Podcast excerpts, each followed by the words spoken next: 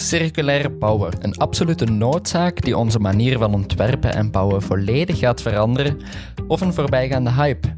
Zal circulair bouwen echt doorbreken en welke zijn de struikelblokken die die transitie tegenhouden? We vroegen het aan Roos Servaas van Vlaanderen Circulair en aan Waldo Galler van de VUB. Deze zevende podcast werd mede mogelijk gemaakt door onze drie structurele podcastpartners. Velux, partner in daglichtoplossingen, Cubus, partner in BIM voor Archicad, Solibri en BIMCollab, en Assiver, verzekeringsmakelaar gespecialiseerd in polissen voor architecten en ingenieurs. Om circulair te worden moeten we oefenen in doen wat nodig is. Roos Servaas is een van de leading ladies van Vlaanderen Circulaire en van de Green Deal Circulaire Bouwen, waar intussen al meer dan 330 bouwgerelateerde bedrijven zich bij hebben aangesloten. Ja, ik blijf erbij dat circulariteit maar een middel is om naar die lagere milieu-impact en een meer kwalitatieve, steeds aangepaste leefomgeving te gaan. En dat zouden we moeten gaan beoordelen. Onze andere gast is Waldo Galle, gastprofessor, beleidsadviseur en onderzoeker aan de VUB. Hij heeft zich al meer dan tien jaar vastgebeten in een noodzakelijke transitie naar een circulaire bouweconomie. Maar gaat die transitie er wel echt komen? Zal circulair bouwen echt evolueren van uitzondering naar regel? Rick Neven, zaakvoerder van architectura.be en Circubeeld, speelt in deze podcast advocaat van de duivel en schotelt Roos en Waldo tien struikelblokken voor die een transitie naar een circulaire bouweconomie in de weg kunnen staan. Eerste struikelblok.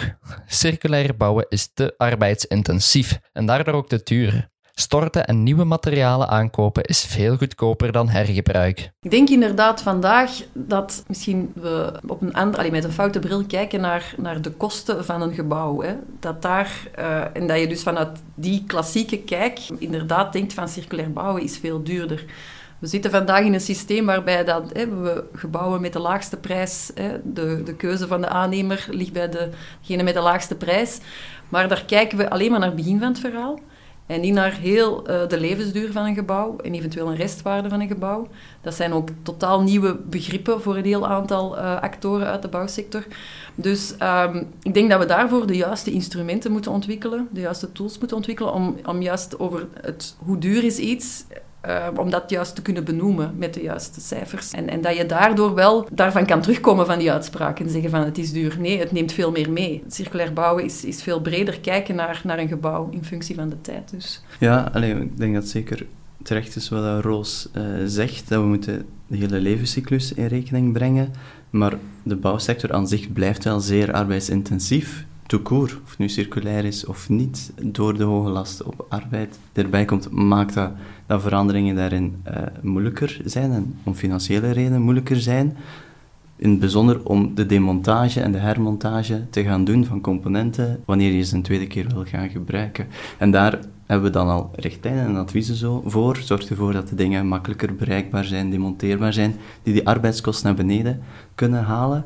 Maar die arbeidskosten en de hoge lasten daarop, ja, die blijven een drempel voor de versnelling naar circulaire economie in de bouwsector, wat dan misschien minder het geval zal zijn in meer geïndustrialiseerde sectoren, zoals textiel of, of, of bepaalde kunststoffen sectoren. Maar dat wil niet zeggen dat er binnen de bouwsector geen innovaties aan de gang zijn die daar tegelijkertijd een antwoord op kunnen bieden. Hè. Verder doorgaan op een soort industrialisatie, op een soort ja, beter informatiemanagement tijdens de planning en, en, het ontwerp van gebouwen, kunnen wel hefbomen zijn die we samen met de circulaire economie kunnen inzetten om naar ja, meer gesloten materialenkringlopen te gaan. Ja, anderzijds zijn er toch ook wel um, denkpistes dat um, de sociale economie ook meer kan worden ingezet in functie van bouwen. En dat daardoor misschien ook ja, het net waardevol is dat er veel meer nog terug arbeid komt. Um, en rond demontage, maar ook even rond montage, dat er op een, uh, op een, ja, een bredere doelgroep van, van mensen kan ook uh, betrokken worden in, in het systeem van, uh, van bouwen en ontmantelen. De tweede struikelblok, het energievraagstuk, is veel urgenter dan het materialenvraagstuk en krijgt daardoor altijd voorrang. Urgenter weet ik niet. Er zit wel nog altijd zeer veel potentieel in energierenovaties van ons bestaande stok om milieu milieuvoetafdruk, onze klimaatdoelstellingen, om milieuvoetafdruk naar beneden te halen en de klimaatdoelstellingen te halen. Dat daar nog een gigantisch potentieel zit, dat is duidelijk. En dat zullen we ook sneller kunnen invullen of, of winst van, of gebruik van maken van dat potentieel. Omdat als je vandaag renoveert, energiegewijs, win je dat vanaf morgen terug. Als je natuurlijk materialen gaat gaan hergebruiken of gaat ontwerpen voor toekomstige hergebruik en recyclage of levensduurverlenging, ja, dan is die terugverdientijd langer, helaas. Omdat vandaag veel dingen hergebruiken niet kan, of technisch heel moeilijk is, omdat we de afgelopen decennia gewoon alles aan elkaar gekleefd hebben en composieten gemaakt hebben die gewoon niet herbruikbaar zijn. Dus daar hebben we eigenlijk de laatste decennia en vandaag nog altijd een fout gemaakt, waardoor dat we nu in een soort van lock-in zitten, dat alleen maar energierenovaties milieuwinst halen en materiaalhergebruik vandaag niet. Maar dat betekent niet dat we vandaag mogen stilzitten en niet nu beginnen werken, op een andere manier bouwen, om het hergebruik morgen ja, toe te laten, zodanig dat we dan ook wel nog altijd die winst, milieuwinst kunnen capteren. Ik denk ook, ja, energie is en, en allez, zal een belangrijk thema blijven. Um, is ook misschien het meest uh, makkelijk toegankelijke uh, thema om, omdat je rechtstreeks die uitstoot van CO2 uh, bij het gebruik van een gebouw daar echt mee in rekening kan brengen.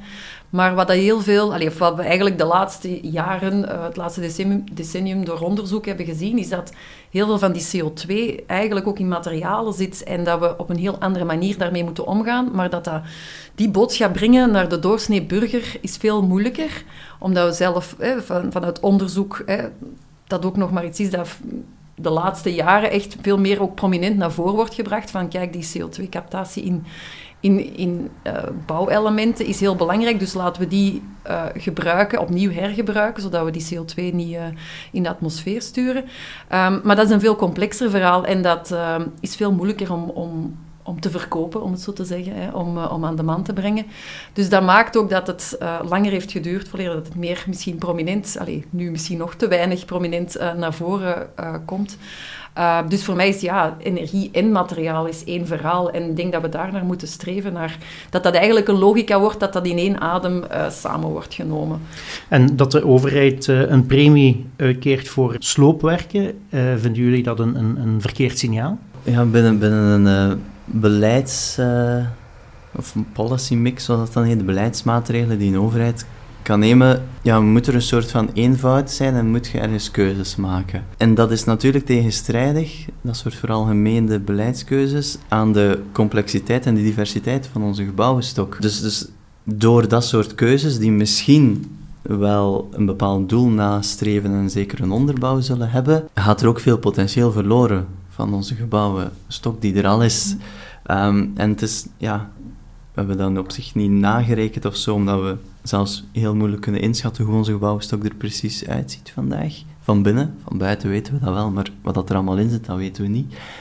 Zodat je dat vandaag heel moeilijk kan hard maken dat dat geen goede keuze zou zijn, maar ik, ik weet en ik vermoed, en je ziet alle dagen dat er potentieel verloren gaat door dat soort maatregelen, ja. Het derde struikelblok. Er is te weinig vraag naar recyclaten. Bouwmaterialen die terug in de kringloop gebracht worden, vinden moeilijk een afnemer. Vanuit mijn ervaring die ik nu de afgelopen jaren heb, dat het vooral um, niet duidelijk is wat er aan voorraad is. En met de partijen waar ik mee spreek, uh, die vragen echt voor meer transparantie rond, uh, het aanbod dat er is en ook uh, op welke manier ze ze weten waar materialen vrij gaan komen. Dus ik zou niet denken dat er geen vraag is. Het is eerder een kwestie van op een goede manier uh, vraag en aanbod eigenlijk in kaart brengen, zodat daar meer een dynamiek kan ontstaan. Want nu is het wellicht een zoektocht soms om materialen of geschikte materialen te vinden. En hoe zou dat concreet moeten gebeuren? Vraag en aanbod op elkaar afstemmen? Volgens mij hebben de, kunnen de materiaalproducenten daar een grote rol in spelen. Wanneer ze meer ook ja, zelfs grondstoffen tekorten, niet altijd permanent, maar op bepaalde piekmomenten zouden beginnen hebben, zien we toch dat ze geïnteresseerd zijn om hun eigen materialen meer onder controle te houden en een fractie terug te laten stromen. Ik denk dat daar een win-win zit om op die onderliggende problemen van de vraag te werken en meer aanbod te gaan creëren, of een helder aanbod te gaan creëren, en de materiaalproducenten zelf een winst en meer controle te laten krijgen. Dus ik denk dat voor hen daar... En digitalisering, is dat ook een uh, belangrijk aspect om vraag en aanbod met elkaar te laten matchen? Ik denk het wel. Ik denk dat daar echt ook wel een, een antwoord kan liggen in de, in de toekomst um, om de zaken helder te krijgen. Hè. Data, data, data. Ik denk dat, dat dat wel duidelijk is uh, voor de toekomst, dat we veel meer moeten kunnen traceren, kunnen vastleggen. En, en ook, um, want één ding is, je weet waar dan misschien materialen uh, vrijkomen. Dat is al heel belangrijk als je die eerste stap uh, zou kunnen behappen via een platform. Maar de tweede stap is van, wat heeft zo'n materiaal dan al uh, aan, aan historiek? wat is de status van het materiaal? hoe kan je het, wat zijn de technische, allee, kan het voldoen aan de technische vereisten voor een nieuwe toepassing? Dat zijn dan weer de nieuwe vragen. Uh, en ik denk dat daarmee ja, dat je echt wel richting digitalisering uh, moet gaan om, om al die zaken behapbaar te, te maken. Ja, ik denk dat digitale en data of informatie wel een hefboom kan zijn, maar zeker niet voldoende hmm. zal zijn. We zien ook in grote kantoorinnovaties, waarin dat maar één werf is, waarbij die data in principe beschikbaar is, dat het ook niet gebeurt. Dus alleen die data zal niet voldoende zijn. Het gaat ook over het wegnemen van de haalbaarheid en het vertrouwen in die producten natuurlijk. Het vierde struikelblok. Wie kiest voor hergebruik van materialen heeft niet dezelfde kwaliteitsgarantie als iemand die kiest voor nieuwe materialen. Ja, er zit veel verschil op over welk materiaal of product dat het dan gaat en op welke manier dat je het krijgt.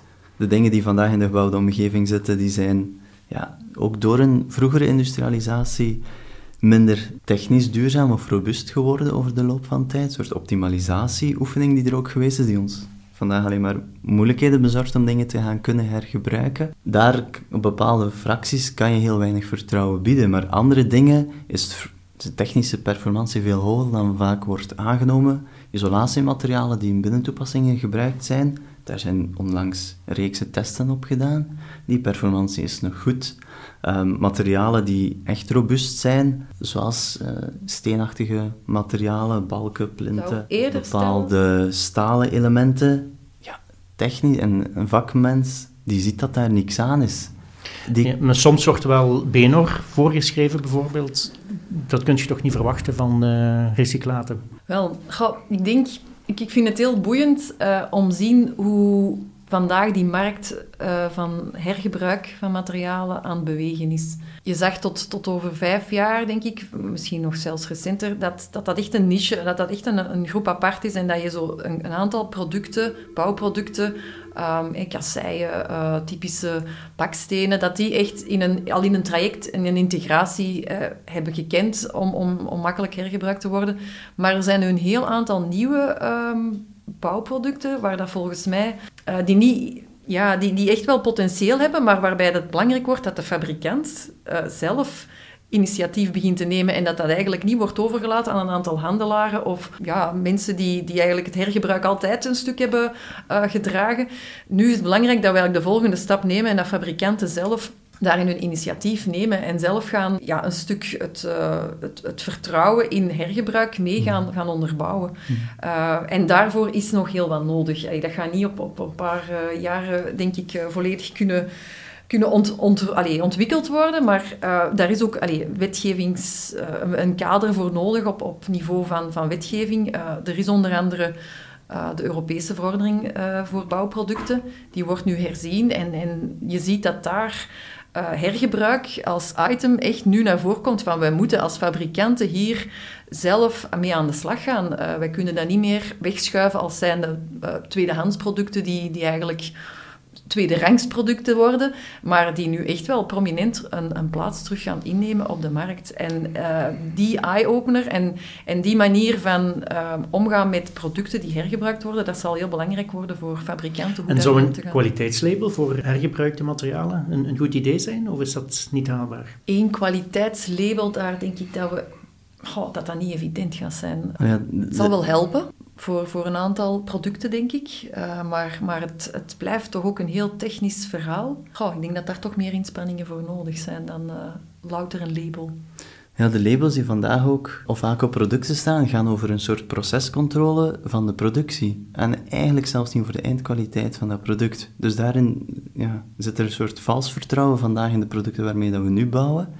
En denk ik dat naast materiaalproducenten, het, eh, vandaag zitten we in een lineaire bouwproces ook, niet alleen materialen, maar ook lineair bouwproces, waarbij de verantwoordelijkheid telkens wordt overgedragen aan de volgende van materiaalproducent naar aannemer, naar ontwerper zit daartussen, naar, naar de eindgebruiker of eigenaar van het gebouw. Dus dat wordt allemaal doorgeschoven en niemand neemt echt verantwoordelijkheid. Vandaar dat er een soort systemisch wantrouwen is in de bouwsector. En materiaalproducenten kunnen daar een actievere rol in spelen. Maar ik denk dat we ook naar het métier van de aannemer en de architect moeten gaan kijken. Zij zijn belangrijke schakels in dat proces en hebben toch hopelijk nog altijd voldoende kennis over materialen die ze gebruiken ehm, en, en, dingen die ze voorstellen, hoe dat ze ze aan elkaar zetten, maar ook de intrinsieke kwaliteiten daarvan, om eigenlijk in dat doorschuiven van die verantwoordelijkheden ook mensen vertrouwen te kunnen geven van kijk, ik schat in dat dit materiaal echt wel oké is en ik durf daarvoor mijn hand in het vuur zeggen, gewoon omdat ik ook kennis van zaken heb en mijn métier ken. Dus ik denk dat we naast al die labels en extra structuren, waarbij we alleen maar verantwoordelijkheid afschuiven, eigenlijk naar gewoon meer métier kennis moeten gaan en misschien een klein beetje meer lef om te zeggen van nee, ik zeg u nu dat dit goed is. En dat zal niet voor elk product en elk materiaal gaan, en dat hoeft ook misschien niet, maar voor een aantal dingen kan dat toch al een belangrijke stap zijn. Dan leg je verantwoordelijkheid bij de architect. Ja, en de aannemer. En waarom zouden we niet wat meer verantwoordelijkheid mogen nemen? Mm Je moet ze ook het risico willen nemen, natuurlijk. Maar je neemt natuurlijk geen onnodige risico's. Hè? Als je je vak kent, gaat je geen onnodige risico's nemen. Hè? Ik denk ook als we uh, meer naar een, naar een, um, een systeem gaan waarbij producten ook bijvoorbeeld geleased worden, of hè, dus langer eigenlijk een soort als een dienst worden aangeboden, dat we net, ja, dat je als, als fabrikant niet meer um, je, je product gewoon afgeeft en, en daarmee gaat je verantwoordelijkheid ook, uh, stop je je verantwoordelijkheid met de nodige certificaten. Of, of, maar dat je echt eigenlijk tijdens het, het traject verder ook je kennis en je expertise rond dat product blijft aanbieden. En dat je op die manier ook op een heel andere manier met actoren als een aannemer of als een architect een, een, die waarde, dat waardebehoud eigenlijk gaan nastreven. Dus, dus, dat je toch echt in een heel andere constellatie gaat komen met verschillende actoren in het uh, netwerk. Het vijfde struikelblok, zeker bij aanbestedingen, primeert de laagste prijs. En dan is kiezen voor circulair bouwen geen optie. We komen eigenlijk een stuk op, op het, de eerste vraag die u stelde, hè, rond, rond duur. Allee, het is iets duurder blijkbaar. Allee, of circulair bouwen uh, is duur wordt gezegd. Maar uh, ik denk dat we daarvan af moeten van die uh, in, in, aanbestedingen dat die laagste prijs primeert. Of dat het gewoon anders moet gesteld worden. Dat er andere criteria moeten liggen. Dat de totale kost over heel de levenscyclus moet worden meegenomen. Uh, of dat milieu-impact als criterium veel meer moet in rekening gebracht worden. Natuurlijk moeten daar dan de juiste beoordelingsmethodes voor zijn en instrumenten. En ik denk dat we daar soms nog echt een stukje in een vicieuze cirkel zitten. Het meten van circulariteit en het kunnen behappen van, van hoe circulair is iets, uh, is, is moeilijk. En daar zijn we vandaag nog volop aan het leren, daar moeten we eerlijk in zijn. Dus, maar dat zeggen ze wel al twintig jaar, dat de manier van aanbesteden dat die moet veranderen en dat ze niet meer alleen naar de laagste prijs mogen kijken. Men is daar nog niet in geslaagd, gaan we daar nu wel in slagen? Sinds de laatste wetswijzigingen op Europees niveau mag levenscycluskost, mag milieu-impact en andere kwalitatieve notas die je bijvoorbeeld aan een ontwerper vraagt of aan een aannemer vraagt, in rekening gebracht worden bij de beoordeling. Daar zit alleen inderdaad een soort gebrek of durf, een gebrek aan vertrouwen of aan, aan durf om dat toe te passen, omdat het heel moeilijk is om, om die dingen, om verschillende ontwerpen of voorstellen, materialen met elkaar te gaan vergelijken op basis van die levenscycluskosten of op basis uh, van kwalitatieve criteria. Dus daarin is er een soort schrik voor een procedureslag of zo die dan ooit zou kunnen gebeuren, maar we zien dat vandaag vooral lokale overheden in Vlaanderen daarmee aan, het, aan de slag gaan en aan het experimenteren zijn en geleidelijk aan, project na project, meer en meer gewicht geven aan die alternatieve beoordelings uh, criteria. En in hoeverre is die circulariteit meetbaar? Ja, ik ben van mening dat we circulariteit aan zich niet hoeven te meten. We moeten het doel dat erachter zit gaan meten en beoordelen. En ja, ik blijf erbij dat circulariteit maar een middel is om naar die lagere milieu-impact en een meer kwalitatieve, steeds aangepaste leefomgeving te gaan. En dat zouden we moeten gaan beoordelen. Bepaald sluiten van materiaalkringlopen, het levensduurverlenging, is een manier om daar te geraken. Als we gaan meten op iets dat niet ons doel is, dan, dan gaan we het doel vaak voorbij streven en, en in andere meet maar een lokaal gemeentebestuur gaat natuurlijk heel moeilijk daarover kunnen oordelen. Ja, ja ik zeg dat. Ja, uiteraard. En dan zou een, een, een, tool wel handig kunnen zijn. Ik denk bijvoorbeeld aan, aan, aan van, van Synergie. In hoe ver vinden jullie dat nuttig? Ik denk wel dat er echt nood is aan tools en houvast voor, voor onder andere lagere besturen. Als je daar zelf niet voldoende vertrouwd in bent, dan ga je daar op de duur ook niet in je bestek durven opnemen. Omdat je niet weet hoe dat je zaken moet um, afwegen. Dus ik denk dat we daar wel nog verder op moeten inzetten op, op tools. En, en dat komt wel. Allee, ik denk dat dat een kwestie van tijd is om, om dat soort zaken te, meer te kwantificeren. Maar het is wel zoals Waldo zegt, we mogen niet ons blind staren op, op het um, circulariteit als, als finaliteit. Hè? Dus het kan een hulpmiddel zijn om, om uh, net die impact naar beneden te brengen en, en meer duurzaam om te gaan met onze grondstoffen. Maar uh, we moeten daar ja, echt wel zien wat is het doel en, en, uh, en welk middel zetten we daarvoor in. -hmm. En instrumenten kunnen een belangrijke versneller daarin betekenen. we horen toch ook veel kritiek uit de praktijk op, op EPB en gelijkaardige. Misschien moeten we daaruit gewoon leren en niet dezelfde fouten maken ervoor zorgen dat die systemen, en aanvaarden als gebruiker ook van die, van die tools, uh, dat die niet alles, hey, alles afdekken en dat die misschien wel eens kunnen veranderen en moeten veranderen in de tijd. En samen leren en dus niet, niet, ons, niet ons alle vertrouwen leggen in die tools. Zesde struikelblok. Fabrikanten zijn niet klaar voor circulair bouwen. Waarom zouden zij investeren in iets wat zal resulteren in een lagere verkoop? Goh, ja, dat is denk ik inderdaad wel een hele shift die, die gemaakt zal moeten worden. Um, dat, dat alle inkomsten niet alleen zijn uit verkoop van, van een product, maar dat je ze eigenlijk ja, een stuk een levenslang een, uh, een soort een band met je klant of met uh, een bouwheer uh, of een aannemer aangaat. Dus daar zit, daar zit een heel andere... In de economie van vandaag zitten de inkomsten op een andere plek dan in de economie van morgen, die circulair zal zijn. Dus Ehm, dat vraagt inderdaad een hele mindshift. Uh, en ik kan me voorstellen dat er heel wat weerstand uh, rond is, omdat dat je die rol niet gewoon bent om op te pakken als fabrikant. Dus dat is echt een stap in het onbekende. Maar er zijn voordelen aan, aan verbonden um, op, op lange termijn. Garanties rond terugname van bepaalde grondstoffen. Hè, dat, is, is al, dat kan voor een fabrikant op termijn heel strategisch zijn. Uh, maar evengoed je expertise uh, kunnen aanbieden over een hele levensduur van een gebouw. Dat kan een verdienmodel zijn dat veel langer en, en duurzamer is in de tijd dan enkel verkoop bij het begin van het verhaal. Ik heb wel de indruk dat de fabrikanten die er nu op inzetten, dat doen ondanks het andere verdienmodel, niet omwille van het uh, andere verdienmodel. Ja, maar die zitten ook in een transitie gewoon. Hè. Geef die ook even de tijd en, en de ruimte om te spelen en te leren. Maar de realiteit is vrij helder. Uh, koper, zink, uh, aardolie, bepaalde soorten zand gaan over een aantal decennia niet meer op dezelfde manier bereikbaar en toegankelijk zijn voor die fabrikanten, voor die grote internationale spelers ook, zoals dat ze afgelopen decennia waren. Die weten dat heel goed. Die zijn nu aan het overschakelen. Want dat zijn bedrijven die al soms eeuwen bestaan. Uh, grote groepen, internationale groepen, die hebben wortels uh, die, die ja, tot 200 jaar en verder teruggaan. Ja, die willen nog wel eens zo lang bestaan. Dus vandaag is het ondanks de noodzaak dat ze inzetten, maar ze weten wel waarom dat ze het doen. En staat dat nieuwe verdienmodel, is dat niet gemakkelijker te combineren met, met jonge bedrijven, start-ups, dan met bedrijven die al uh, decennia of, of, meer dan 100 jaar bezig zijn? Ik denk bijvoorbeeld aan, aan Juno, die heeft ook een heel ander verdienmodel, maar dat is juist mogelijk mm. omdat hij pas begonnen is, denk ik. Die hebben een ander soort flexibiliteit en, en uh, om, om in te spelen op de behoeften die we vandaag formuleren.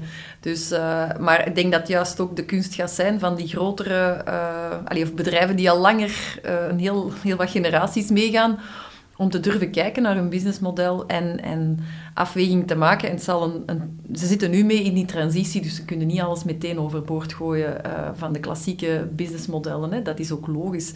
Uh, Maar dat gaat tijd vragen en hen doen inzien dat ze stap voor stap daar meer kennis en, ook misschien meer draagvlak voor kunnen krijgen bij hun klanten. Dus. Zevende struikelblok. Er bestaat geen juridisch kader rond circulair bouwen. Aannemers, opdrachtgevers, architecten en fabrikanten zitten nog met te veel vragen en hebben schrik voor een aansprakelijkheid. Ja, aansprakelijkheid is sowieso allee, is een, is een, is een heel interessante om, om, uh, omdat je denk nog veel meer nu vandaag met een product op de markt moet komen dat deugt. Hè? Dat uh, echt ook in de tijd laat zien dat het uh, blijft, een meerwaarde blijft houden. Nu, een juridisch kader, ik denk dat we uh, perfect binnen een, het kader dat er vandaag is kunnen voortwerken. Het zal, het zal alleen, er zullen andere afspraken gemaakt moeten worden. En, en dat vraagt misschien soms om een aanpassing van wetgeving, dat klopt.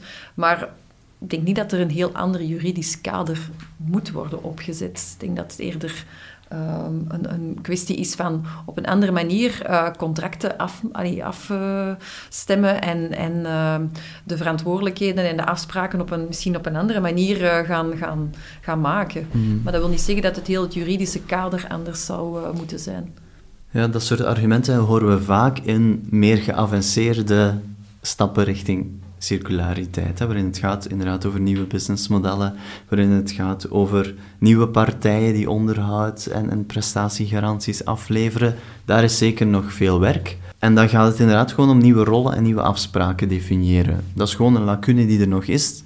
Aan de andere kant, over het hergebruiken van materialen vandaag, bestaan heel veel mogelijkheden die ook bijvoorbeeld door Rotor in, in bepaalde projecten al mooi geïllustreerd zijn geweest, hoe dat je dat eenvoudig hergebruik ook al in contracten uh, en goede afspraken kan gieten. Achtste struikenblok. De bouwsector en de particuliere bouwers zijn niet klaar voor de ommekeer. Het raakvlak ontbreekt voor de transitie. Ik denk inderdaad, uh, we hebben dat ook binnen het onderzoek van de proeftuin uh, gezien. En um, we weten dat dat een van de systemische knelpunten is, om het met een zwaar woord te zeggen, dat die mindshift, die, die urgentie, um, dat die er nog niet echt is. Dat we daar ook als overheid wellicht meer inspanningen moeten doen om, om dat ook kenbaar te maken. Nu, de afgelopen zomer heeft weer duidelijk gemaakt dat water een schaars goed is en uh, dat we wellicht, als we, alleen, als we dat soort van uh, ja, af en toe prikkels krijgen, dat er de maatschappij ook wel een, een echt een draagvlak uh, voor creëert. Dus dat is een kwestie van tijd. En hopelijk kunnen we natuurlijk telkens die, die pijnlijke momenten voorkomen. Hè, en kunnen we eigenlijk al anticiperen op wat gaat komen. Maar dat vraagt inderdaad nog wel heel wat kneedwerk. En daar zijn we echt ook nog maar aan het begin van het verhaal om die bewustmaking uh, verder door te zetten. Waldo, bij wie is het moeilijkste om die mindshift te verwezenlijken? Bij de architecten, bij de aannemers, bij de particuliere bouwers? Ik denk dat er bij de opdrachtgevers vandaag weinig incentives, maar ook, ook kennis zit om echt op een andere manier de ontwerp- of de bouwvraag te gaan formuleren. Het, zit ja, het is die geïnstalleerde baksteen in onze maag uh, sinds, sinds we te taaien, uh, die, die maakt dat we, als we een behoefte hebben, het zit in ons consumerisme ook, gewoon als we een behoefte hebben, dan kopen we, dan vragen we iets nieuws. Het is gewoon zit in onze, in onze natuur of in onze cultuur voor een groot stuk. Daar gaan we moeten bepaalde ruimte creëren om die vraag om te buigen, om te beginnen. Um, en dan zal het zijn om in dialoog, omdat we nog altijd in die transitie naar een circulaire economie zitten, samen te gaan zoeken hoe gaan we daar een antwoord op bieden. Hoe gaan we ervoor zorgen dat wat we nieuw zetten langer zal kunnen meegaan? Waar vinden we in plaats van nieuwe materialen te kopen vandaag restfracties die we kunnen gaan hergebruiken. Waar kunnen we kringlopen tijdens het gebruik van het gebouw gaan sluiten? Dat zal moeten in, in dialoog tussen iedereen gebruiken, gebeuren. Uh, het is niet zo dat er niet voldoende winsten en kansen zitten voor iedereen, voor ontwerpers, voor aannemers, voor fabrikanten, voor de eindgebruiker, om dat te, om dat te gaan realiseren. Maar we gaan die kansen moeten samenleggen om het gedaan te krijgen. En Product as a Service, uh, ziet je dat uh, werkelijk doorbreken, Roos? Ik denk dat we daar... Ja, ik zie dat zeker doorbreken. Um, maar ik denk dat dat eerst inderdaad moet gebeuren bij uh, gebouwen die bij grotere bouwheren zitten. Um, dat zit niet bij de particuliere bouwheer, denk ik. Alleen met mijn aanvoelen. Dat zit misschien nog wat ver mm -hmm. daar. Maar je moet dat eerst ook ja, voldoende schaalgrootte hebben om, om dat uh, goed te kunnen uitrollen. En ook om te laten zien dat het werkt. Um, Maar ja, ik denk dat zeker aspecten zoals hè, een façade leasen, dat dat, dat zaken zijn die, die, waar daar ook vandaag al fabrikanten mee bezig zijn, met die principes of die concepten toch uh, te bevatten en te kijken wat dat dan de, de consequenties zijn voor hun businessmodel. Dus uh, daar, zijn, daar is men zeker mee bezig. Het negende struikelblok. De banken willen niet mee. Zij staan niet open voor andere financieringsvormen. Ik vind dan, ja, dat is, dat is een van de, van, de, van de belangrijkste stappen, denk ik. Hè? Dat we, we spreken over circulair bouwen, maar dat kan niet anders dan binnen circulaire economie. En daar is de financiële sector uh, mee een van de hoofdspelers. Dus... Um, het is heel boeiend om te zien hoe dat we uh, vandaag een, een gebouw um, financiële waardering geven. Hè. Dat zit uh, echt aan het begin van het verhaal en we schrijven het af, het gebouw. Maar daar zit net... Het, het, ik denk dat, dat we daar echt data nodig hebben voor banken, allez, voor, om de financiële sector te overtuigen en meetinstrumenten. En als we met voldoende cijfers kunnen aantonen wat een gebouw nog op het einde van een verhaal kan aan restwaarde hebben en ook tijdens uh, wat, het, wat de, ja, de mogelijkheden nog zijn van een gebouw om aan te passen. Als we dat goed kunnen documenteren, dan denk ik dat de financiële sector wel mee wil. Zij zien zelf ook dat er aan die lineaire economie dat daar een einde van dat verhaal is. Dus zij, zij zoeken alleen naar de juiste handvaten om, om een stuk zich te kunnen, ja, een, stuk een waarborg te hebben voor de financiering die ze, die ze willen doen. Ja, er zit natuurlijk ook wel nog uh, een andere moeilijkheid in het feit dat een gebouw meer waard is dan de componenten apart daarvan. En dat banken vandaag liever investeren in een goed dat uh, eh, 300 jaar zal meegaan, dan het voorfinancieren van een, een bouwmateriaal, of het nu een structuurelement is of, of een duurzaam binneninrichtingselement, dat verschillende keren zal hergebruikt kunnen worden. Daar zit, daar zit een economische logica achter. Die komt door de manier dat we waarde geven aan gebouwen en aan materialen. En vandaag ja, zitten we nog altijd niet met dat acute, urgente tekort van materialen, waardoor dat die waardering er nog niet is. Maar als, als die toestroom van materialen gaat, gaat shiften, dan zullen materialen waarschijnlijk ook wel een andere waarde krijgen. En zal het wel interessanter zijn om niet alleen in het goed te gaan investeren, maar ook in de materialen daarvan.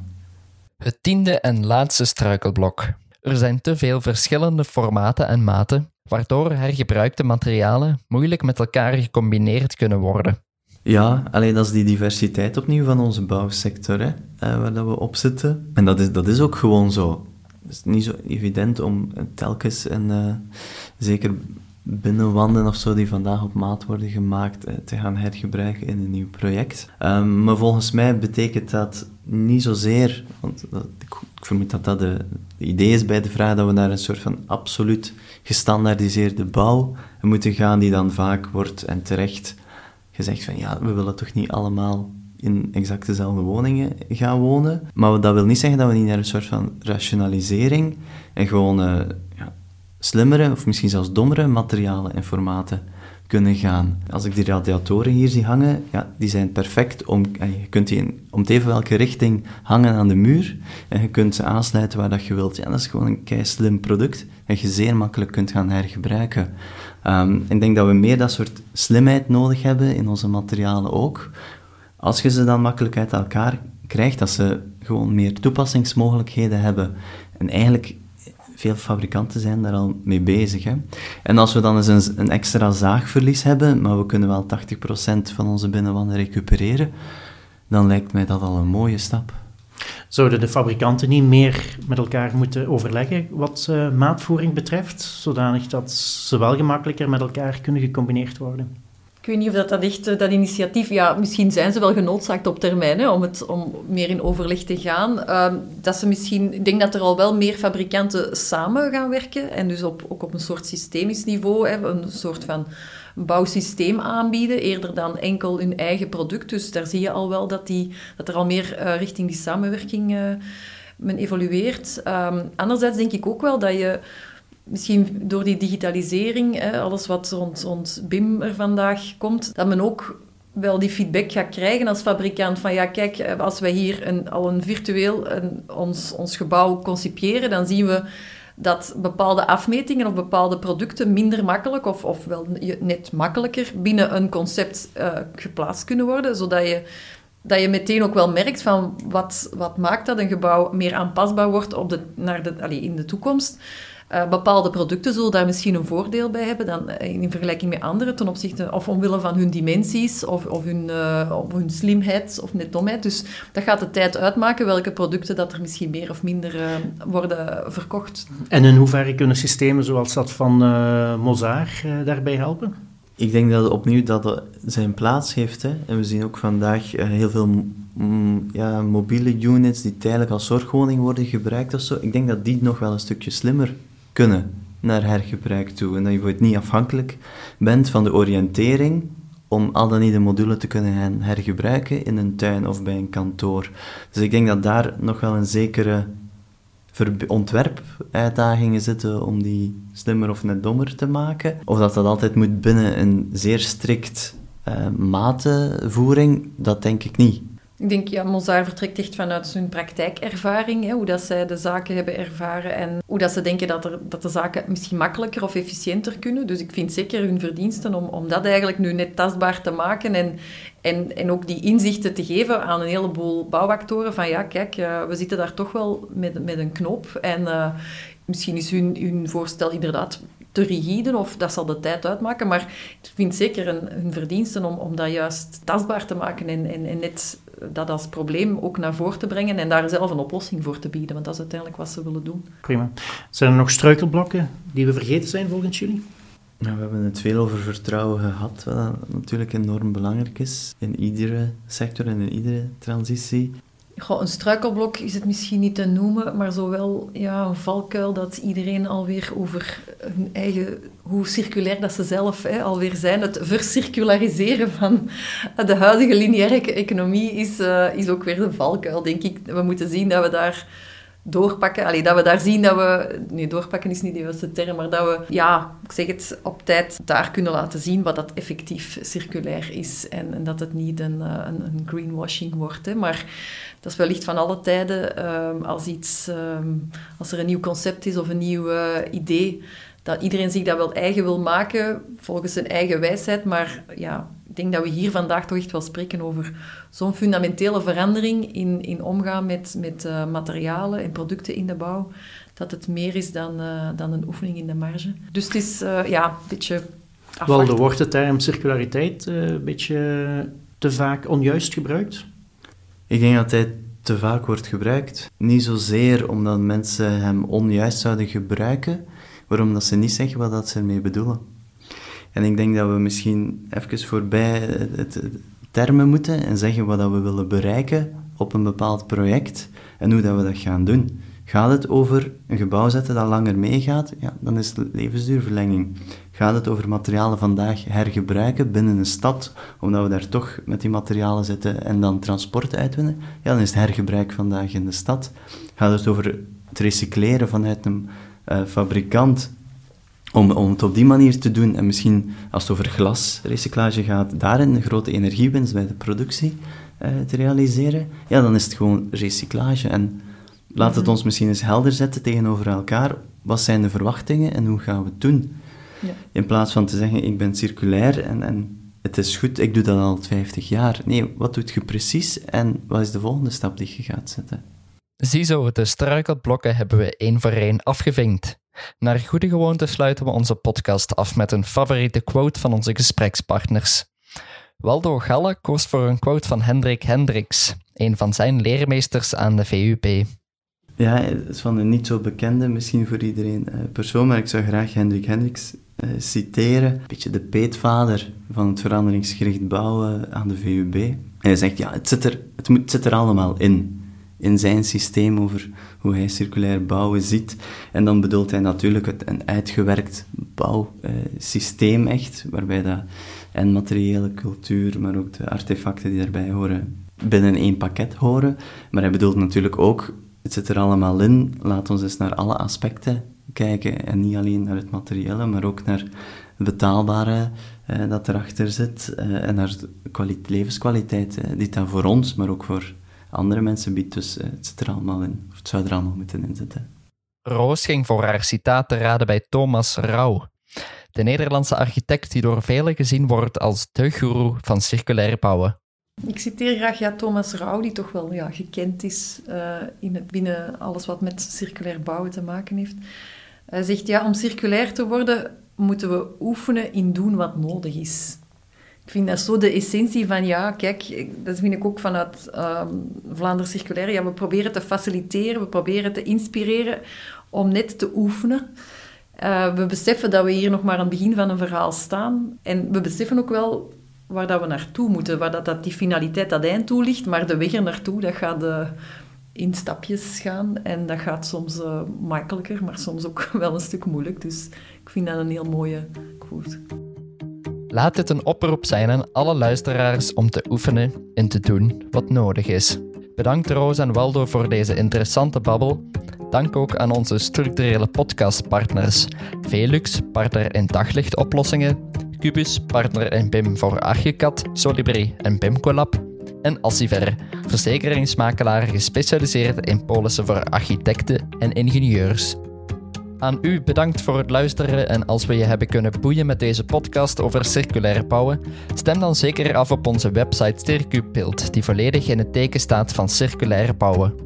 Volg zeker ook nog de website en de podcast van architectura.be. Mijn naam is Stef Pennemans, ik nam de voice-over en de montage van de podcast voor mijn rekening. Rick Neven nam het interview af en Kevin Moon stond in voor de opname van het gesprek. Tot horens.